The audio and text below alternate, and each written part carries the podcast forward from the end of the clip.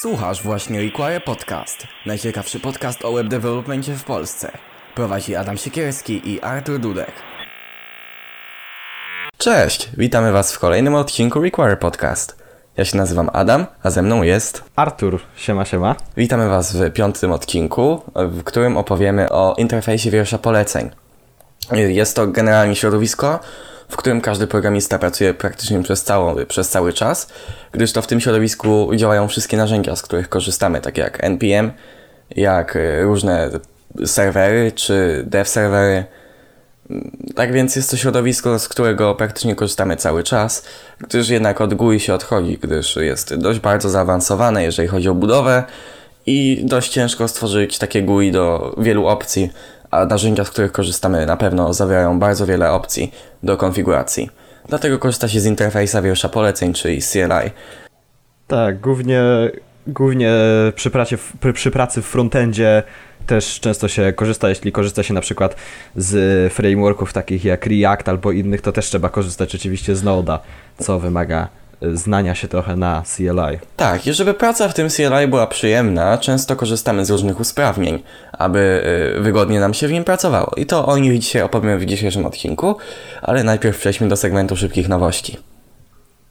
Y, tak więc pierwszą rzeczą, której chcieliśmy opowiedzieć, jest nowy release VS Code. Mm, jest wprowadzać dużo zmian, takich na przykład Timeline View, który, który pokazuje nam historię tego, co się działo z każdym plikiem, na przykład historię jego mhm. zapisań, historię tego, jak przechodziły testy i integracja z Gitem, czyli na przykład mamy historię commitów, możemy się odnosić do na przykład kiedy testy przechodziły, a kiedy nie, jak zapisywaliśmy nasze pliki, dość ciekawy.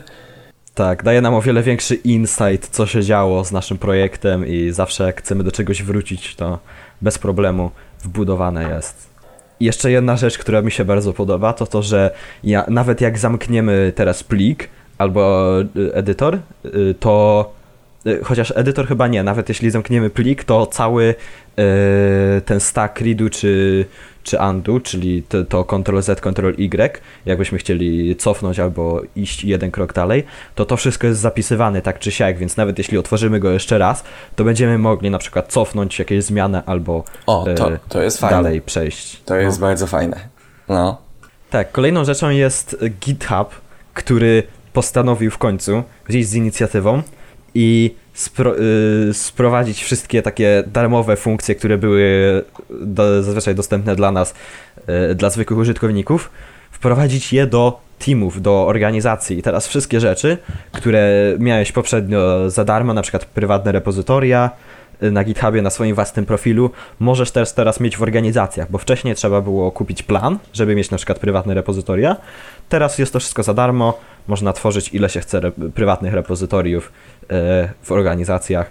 Jest to bardzo ciekawe, bo e, bardzo ułatwia pracę w, w teamach i na przykład e, my z Adamem kiedyś korzystaliśmy też bardzo dużo z GitLaba, bo oni mieli darmowe prywatne repozytoria w teamach i właśnie z tego powodu tylko korzystaliśmy, żeby mieć jakiś e, source e, version control, e, gdzieś trzymać ten source code, ale mieć przy okazji to prywatne, tylko dla nas. Tak, no dość, żeby na razie w developmencie nasza aplikacja nie była jeszcze dostępna publiki, żeby ludzie mogli sobie patrzeć na kod, to bardzo taka fajna, fajna rzecz ze strony GitHuba.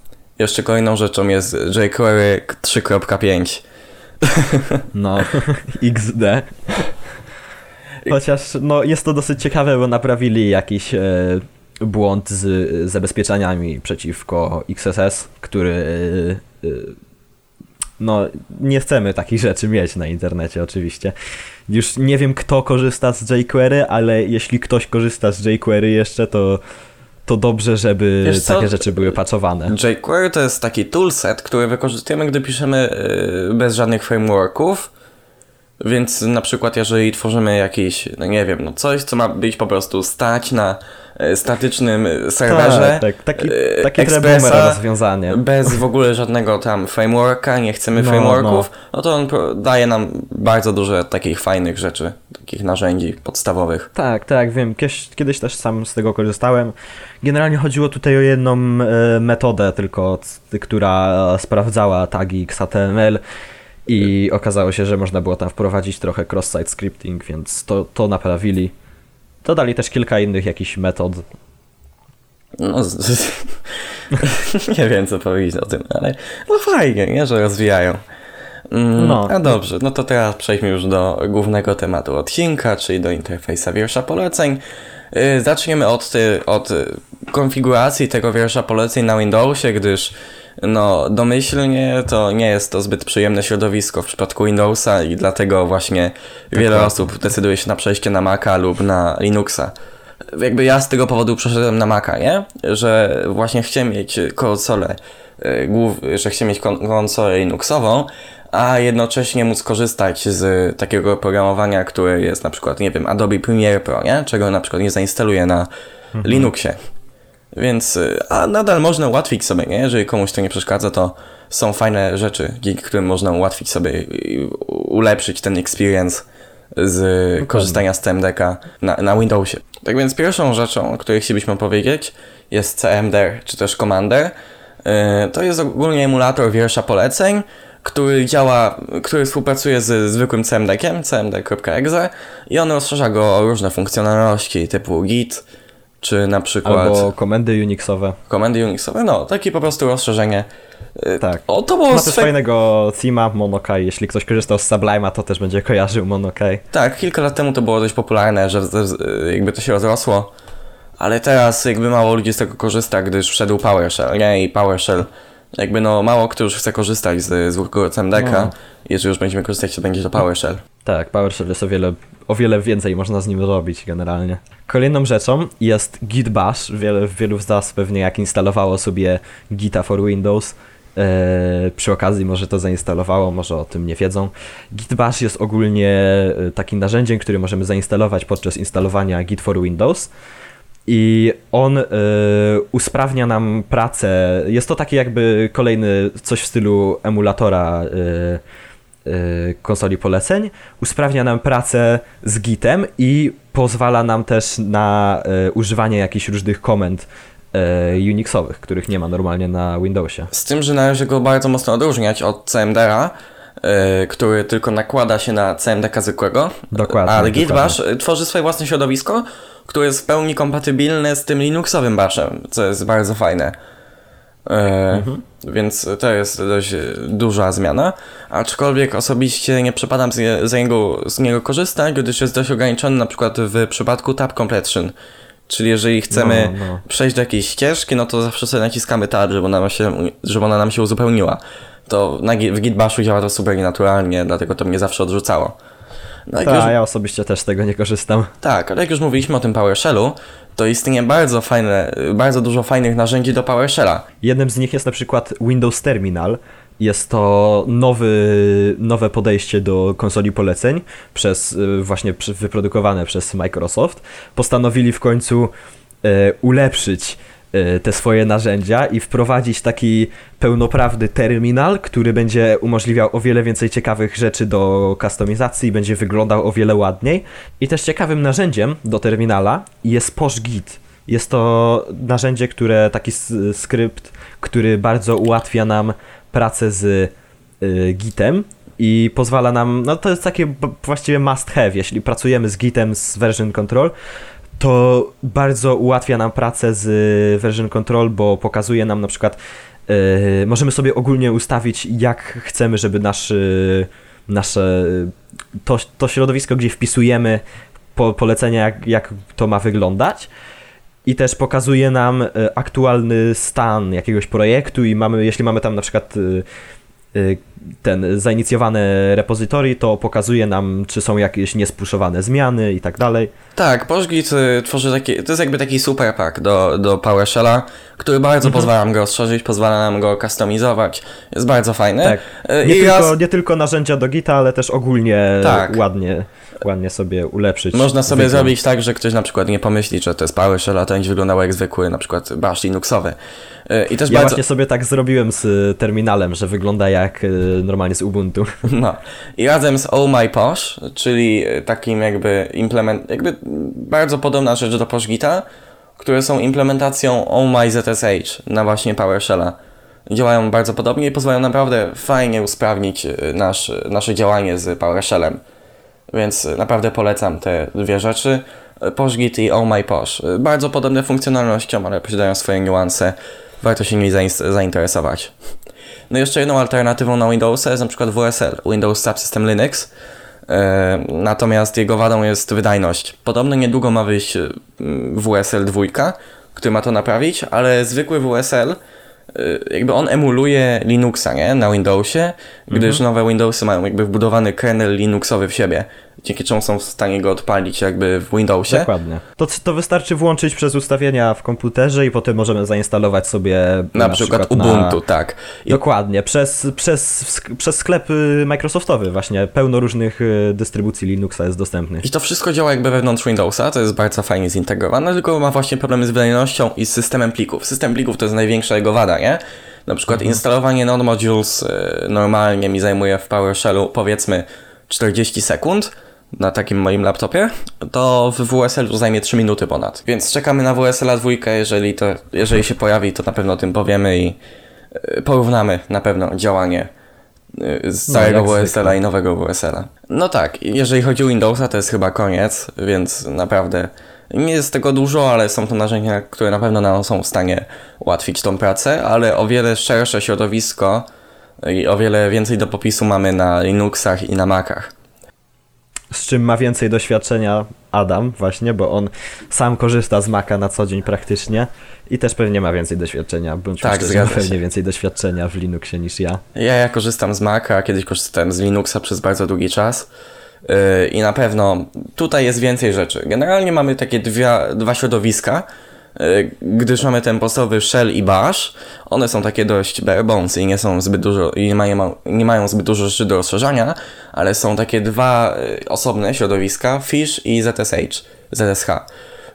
One, po, one jakby tworzą nam osobne środowiska, takie baszowe czy tam shellowe. Oso są osobne po prostu powłoki, mm, które możemy bardzo fajnie rozszerzać. One są po prostu nastawione na rozszerzanie i dają nam bardzo duże moce, jeżeli chodzi o kustomizację i to jest taki must have, jeżeli korzystamy z tego na co dzień. Najpierw opowiemy o Fishu. Y, Fish to jest mm, właśnie taka powłoka, mm, która jest bardzo nowoczesna moim zdaniem. Y, posiada pełną jakby paletę kolorów, jest to 4-bitową, no. posiada automatyczne sugestie, i co też bardzo fajne, ma konfigurację przez, przez przeglądarkę. Czyli ona nam odpala po prostu serwer i tam możemy sobie, go, y, i tam możemy sobie ją ustawiać. Mega Dokładnie, fajne to, to jest. bardzo fajne. No. Więc ona jest mega, ona jest mega jakby mocna, jeżeli chodzi o to. Jest też dość popularna i korzystałem z niej na co dzień. Korzystałem, bo aktualnie korzystam z ZSH. Ale na pewno Fish jest bardzo fajną rzeczą, z którą warto się zapoznać i posiada ona również bardzo szeroką gamę rozszerzeń. I pierwszą taką rzeczą jest Fisher, którą musimy zainstalować. Fisher to jest package manager do rozszerzeń Fisha, yy, który pozwala nam po prostu instalować różne rozszerzenia. I kolejną rzeczą jest Oh My Fish, yy, taki odpowiednik właśnie Oh My ZSH czy Oh My Posh, tylko że do Fisha. I on zapewnia nam yy, bardzo mocny system rozszerzeń, jeszcze jakby taki mocniejszy jest niż ten natywny. Pozwala nam możliwość dodawania wielu yy, motywów, mega fajne, warto no, sobie to przejrzeć. ogólnej. Ogólnie kustomizacja, bo to jest tak- Wszystkie tak... linki oczywiście w, w, w, archiwum. Jakby one tworzą... Albo w opisie. E, te wszystkie rzeczy, oh my, one tworzą takie bardzo mocne środowiska, bardzo łatwą konfigurację i na pewno i, i możliwości jest pełno, nie? Możemy tworzyć własne rozszerzenia. E, to jest super, jeżeli chodzi o to. Napra naprawdę polecam. Ale rzecz, z której korzystam na co dzień to jest ZSH, czy tam ZSH E, ją możemy również zainstalować i na Linuxie, i na Macu. Mm, I jest ona nieco wolniej, jakby ona jest nieco bardziej taka e, goła od Fisha, mm, że tak powiem, e, ale posiada więcej nawet możliwości konfiguracji, gdyż jest bardzo otwarta. No, tak samo jak Fish też yy, wspiera pluginy albo themy różne, które mm -hmm. możemy sobie instalować. Tak, to ZSK no, posiada jeszcze więcej tych themów i pluginów. Tak, tak. Ma też e, fajne poprawki, różne e, usprawnienia generalnie pracy z, z konsolą poleceń. Tak, i możemy tutaj korzystać na przykład z OMI ZSH, czyli takim właśnie frameworku do ZSH. Bardzo mi się w ogóle podoba ich opis na, na repo na GitHubie w README.md. Oh my ZSH will make you a 10 times developer. E, I on pozwala nam na instalowanie różnych pluginów, posiada integrację z Gitem, posiada lepszy tab completion I też możemy tutaj na przykład zainstalować e, Syntax Highlighting, e, ZSH, Syntax Highlighting, bardzo fajne rozszerzenie. Potem mamy ZSH Auto Suggestions, czyli takie właśnie autosugestie z Fisha. Na czym to polega? Że mamy, wpisujemy jakąś komendę i on w historii tego, co poprzednio wpisywaliśmy, jest nam w stanie po prostu powiedzieć, ok, to najprawdopodobniej to planujesz wpisać. Po prostu potem naciskając strzałkę w bok jesteśmy w stanie sobie rozszerzyć. Bardzo fajnie to działa. ZSH posiada też bardzo mocny system Tab Completion, czyli kiedy coś wpisujemy, no to naciskamy sobie tabulator i nam uzupełnia tą komendę. Yy, I generalnie zaletą jest to, że możemy sobie do różnych programów dorzucać osobne konfiguracje, że tworzymy własny program albo programy jakiś i on nam doinstalowuje od razu też yy, konfigurację tego Tab Completion. Dzięki temu nie ma takiego czegoś, że tylko to jest do tych natywnych rzeczy w systemie, a to jest do wszystkiego, tak? Czyli na przykład code, spacja i on wie, że w tym miejscu mam nam uzupełnić yy, ścieżkę. Albo też wie, że na przykład do gita mam, mam nam uzupełniać po prostu poszczególne tam komendy gitowe, tak? Yy. No, o wiele to usprawnia. No i też ZSH ze względu na jego popularność ma bardzo duży zestaw motywów. Chyba najpopularniejszy jest Agnoster. Ja osobiście z niego korzystam, bo mi się nie podoba, ale bardzo wiele osób z niego korzysta. No, ale wygląda generalnie bardzo fajnie, bo dodaje takie ciekawe ikonki. Tak, ma te fonty Powerline. Dokładnie. Bardzo ciekawie to wygląda. Kolorki się pojawiają, ma mocno możliwość konfiguracji. Jest taki w ogóle bardzo rozszerzony, nie? Mi się dosyć podoba, szczerze mówiąc. Te wszystkie ikonki odnośnie Gita, czy, czy odnośnie to, co indykatuje, czy mamy root privileges, czy nie. Jeszcze możemy Wam polecić motyw od Zaita, Zite Team. Bardzo taki minimalistyczny. Tak, bardzo fajny. bardzo mi się podoba. Kiedyś z niego korzystałem, ale aktualnie korzystam z motywu Pure. On tworzy nam jakby cały. On nie jest tylko do OMyZSH, lecz możemy go sobie zainstalować do całego, w ogóle do ZSH, nie? On jest stworzony przez y, Zindre Sorusa. Jak się go czyta? Nie wiem właściwie. To... Trzeba by go zapytać. to jest ten człowiek od JavaScriptu, który ma bardzo dużo repozytorów. I też tak, stworzył tak. właśnie ten Pure. Osobiście z niego korzystam przez bardzo długi czas. Bardzo mi się to podoba. Ma fajną integrację z Gitem. Bardzo ładnie pokazuje. Więc od, wy, od wyboru do koloru, nie? Kto co lubi. Jest naprawdę, jest naprawdę duży zestaw rozszerzeń. Wszystkie linki będą na stronie, jeżeli chcecie. Oczywiście. Jest jeszcze, mówiłeś o Slim ZSH? Yy, jeszcze nie mówiłem o Slim ZSH. Otóż A, mamy no też dobra. Slim ZSH, y, który tworzy nam jakby taki bundle tych najfajniejszych rozszerzeń. Dokładnie. Jest taka po prostu konfiguracja. Człowiek z Polski to napisał, jest y, jakby nie jest aż tak zaawansowane, jaką ma ZSH i nie jest rozszerzalne, tworzy taką bazową konfigurację do ZSH. Ale jest bardzo fajne, bo zawiera wszystkie tak jakby rzeczy, które nam się podobają, czyli na przykład Pure, Syntax Highlighting, on zawiera w sobie, mm, On zawiera w sobie Syntax Highlighting, y, zawiera w sobie mm, ten właśnie Pure prompt, ten właśnie motyw. Y, jeżeli komuś się nie chce bawić w konfiguracji, a chce mieć bardzo fajną konfigurację tak out of the box, to Slim ZSH jest fajne, nie? Dokładnie, taki all-in-one package. Mhm. I napisał go człowiek z Polski. no, no. O czym warto wspomnieć, bo czemu nie. Mm, I poza tym, to już chyba koniec konfiguracji na Linuxa i chcielibyśmy Wam jeszcze przedstawić takie e, rzeczy, które są niezbędne, kiedy korzystamy na co dzień z CLI. E, takie programy, które fajnie sobie zainstalować i będą gdzieś tam wisieć. Programy, z których korzystamy my na co dzień, nie? Cały czas. Dokładnie. Pierwszą rzeczą jest na przykład Node Version Manager. Jest to bardzo przydatne, jeśli chcemy testować na przykład jakieś e, programy nasze i sprawdzać, czy, czy coś działa w danej wersji Node'a, czy, czy nie działa. Ułatwia to nam generalnie instalowanie wielu y, wersji Node'a naraz i możemy się bardzo szybko y, pomiędzy nimi przełączać. Możemy sobie ustawić defaultową wersję Node'a, on, zawi- też on, zmieniać. No. On umożliwia nam instalowanie kilku wersji Node na raz, bardzo szybkie zmienianie ich. Tu nawet nie chodzi o testowanie, ale jeżeli pracujemy w teamie i mamy wiele projektów, no to na przykład dany projekt działa na Node 11, nie? I on nie będzie działał na Node 13. No, właśnie o to chodzi, nie? Albo też można, jak ktoś chce, to też można na przykład testować, czy działa na tej, no, na tym tak, na przykład dokładnie. starszym. Więc to jest takie utility, które każdy powinien posiadać, jeżeli pracuje z Nodem, nie? To jest taki moim zdaniem wymóg. Jest jeszcze wersja Windowsowa, która posiada fajny installer Windowsowy. Tak, on, on zawiera, on generalnie to było napisane na, na y, Maci i na Linuxy i potem ktoś pomyślał, że to fajnie jest i że może na Windowsa też napisze. I jest na Nowe Windowsa. też będą.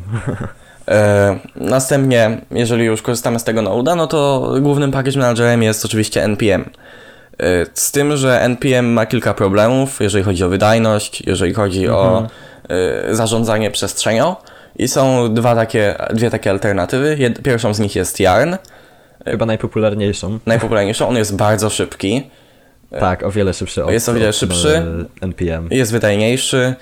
Jeżeli chodzi o zarządzanie przestrzenią, to nie masz dużych e, improvementów względem. No, działa tak samo mniej więcej jak NPM, y, też tworzy do każdego projektu Node, e, Node Modules, co nie jest dosyć bardzo space efficient. Zajmuje to dosyć dużo miejsca, jeśli mamy pełno projektów. Ale inną rzeczą jest PNPM, czyli taka usprawniona wersja.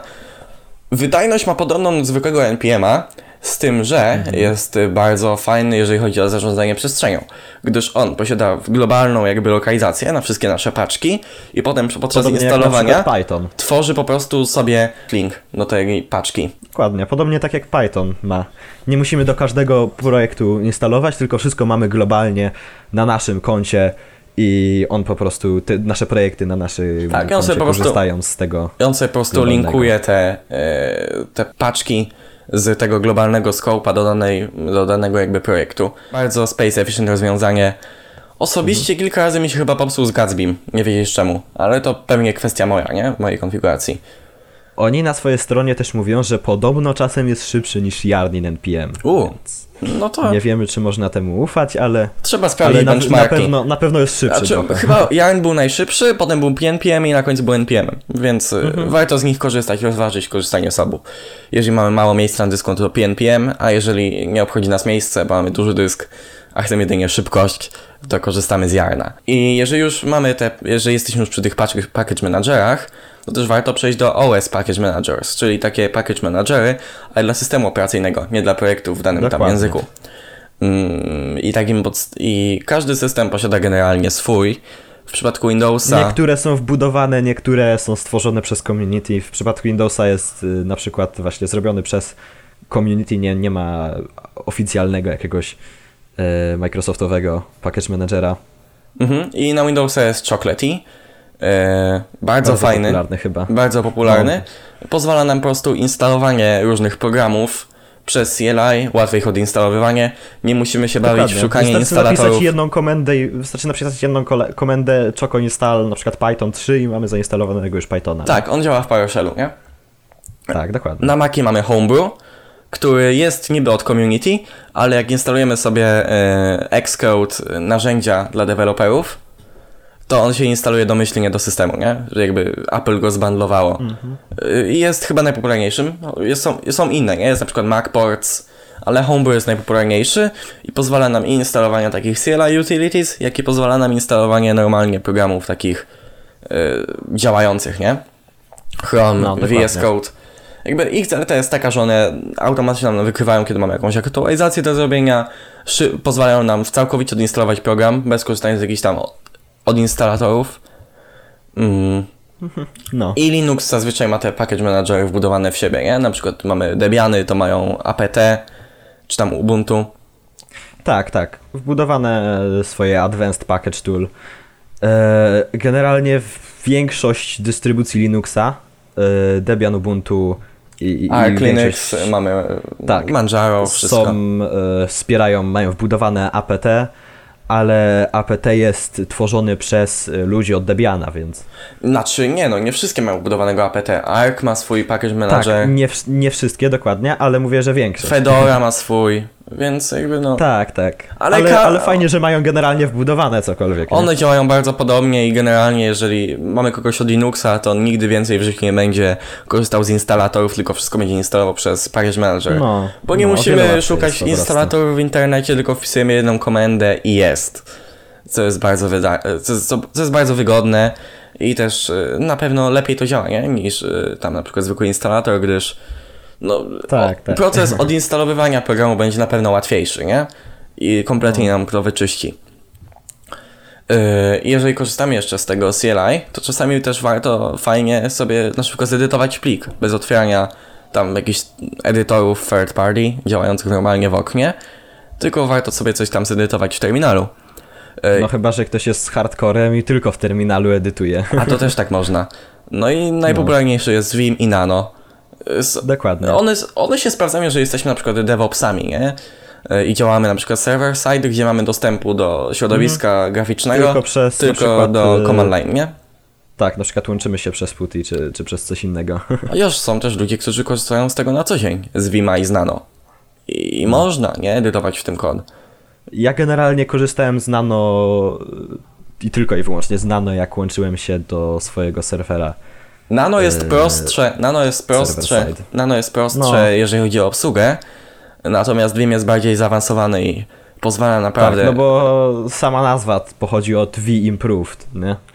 Czyli V to był taki wcześniejszy, trochę słabszy edytor y, i oni postanowili zrobić lepszego V i nazwali go V Improved. Czy Vim naprawdę pozwala nam szybko edytować kody, jakikolwiek tekst. Naprawdę. Tak, oczywiście pewnie wszyscy znają z memów jak wyjść z Vima czy coś. Tak, bo on, bo on posiada bardzo charakterystyczne tam skróty klawiszowe. Ja z niego korzystam, ostatnio się do niego przerzuciłem z Nano, trochę się go pouczyłem i jakoś e, wygodnie mi się z tego korzysta, nie? Tam, że chcę, zmodywy- chcę zmodyfikować git ignore, no to szybko Vim git ignore i już, nie?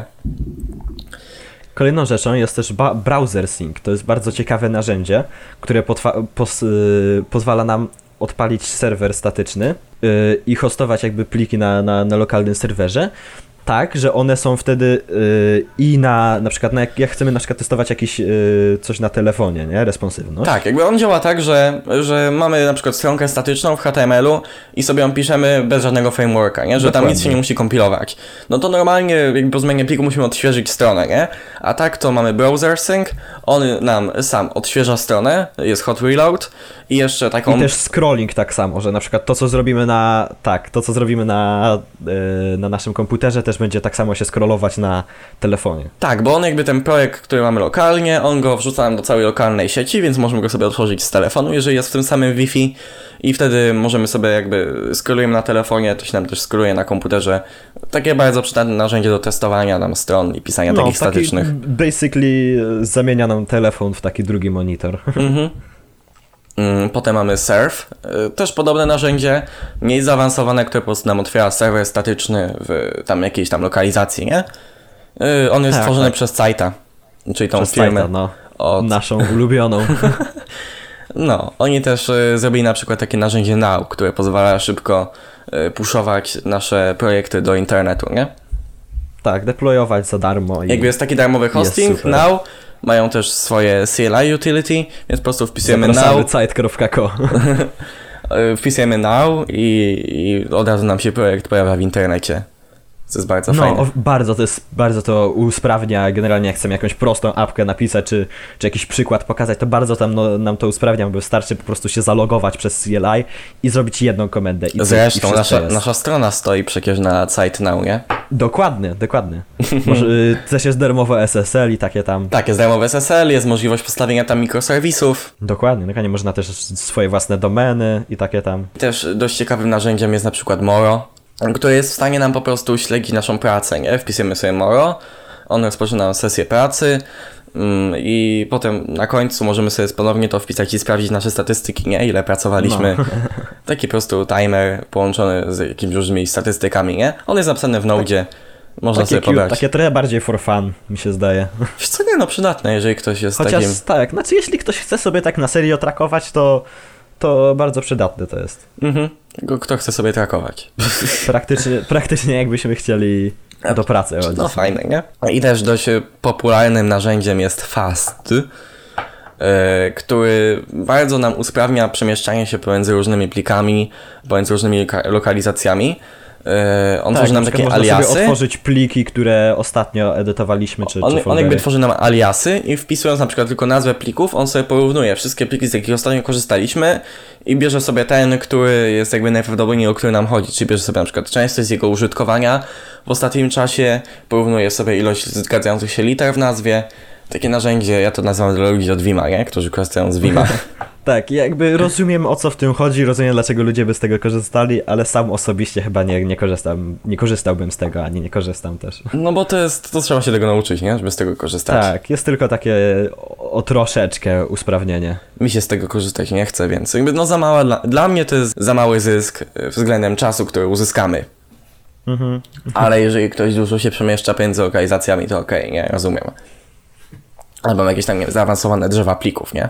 Pod koniec jeszcze chcielibyśmy wspomnieć o takich kilku dodatkowych emulatorach terminali, na przykład tak jak mówiliśmy o Commanderze wcześniej. Tak, to są programy, To- które odpalają Dokładnie. sobie proces terminala w tle i nam go wyświetlają w jakieś tam różne ładne sposoby. Po prostu tworzą nam okno terminala, które jest lepsze od tego systemowego w jakiś sposób. Tak, czyli wszystko działa normalnie tak jak, jak, tak jak podstawową, tylko wygląda o wiele lepiej albo ma jakieś dodatkowe pluginy I integracje, tak. Na przykład jednym z nich jest Hyper, również stworzony przez Saita. przez Zajta, dokładnie. Oni stworzyli tyle rzeczy, tyle ciekawych pakietów, po prostu takich przydatnych, z których korzystam czasami na co dzień. Wiesz, Site musi po prostu pozostać sponsorem tego podcastu.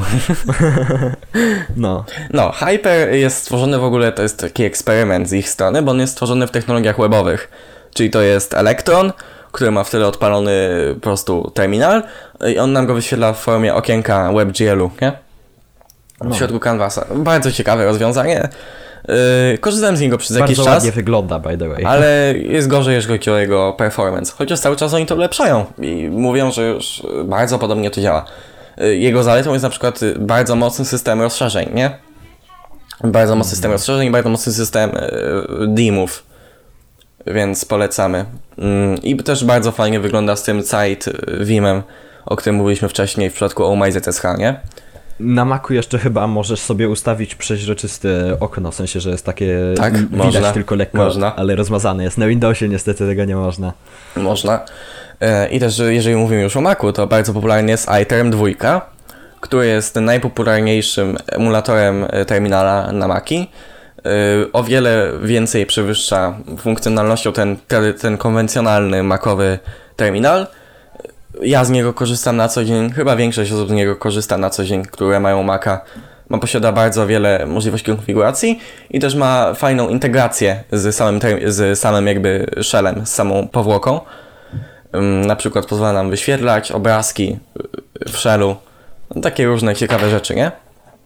Więc No, item dwójka, jeżeli chodzi o Maca, to jest Tak samo jak większość rzeczy, o których mówiliśmy dzisiaj.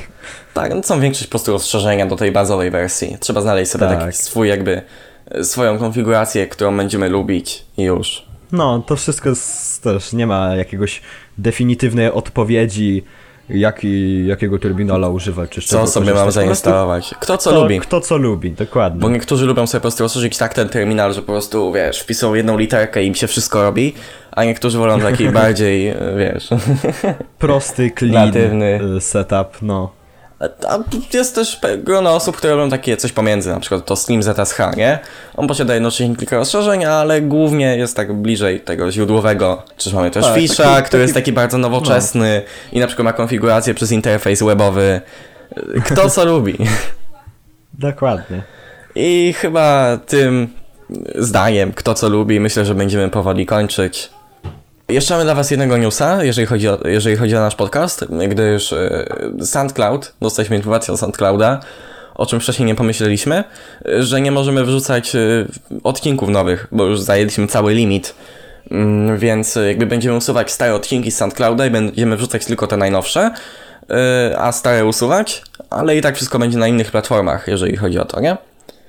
Albo po prostu zrobimy taką małą przerwę z uploadowania na SoundClouda i będziemy na inne Tak, rzeczy to się zastanowimy, powiadomimy, Podmienimy. powiadomimy w naszych social mediach. Podmienimy wszystkie, podmienimy wszystkie linki, embedy na stronach najwyżej. Mhm. No, dopóki uda nam się uzbierać tyle, żeby móc płacić 450 za Pro Unlimited rocznie, U, to no, musimy poczekać aż. to chyba będziemy musieli jakoś to obejść. Tak. Ale nadal będzie można słuchać na YouTubach. Czy Tak, to, bo tam nie ma limitu, my osobiście publikujemy Dokładnie. na Ankorze, który publikuje na wszystkie platformy podcastowe, więc z tym nie ma problemu. Spotify, Apple Music i takie tam. No i tutaj będziemy kończyć. Tradycyjnie zapraszamy na naszego Discorda. Tam można zadawać pytania, dawać propozycje. Można też nam na maila wysłać jakieś propozycje, jeśli chcecie, żebyśmy o czymś pogadali. Mhm. Do zobaczenia. Cześć!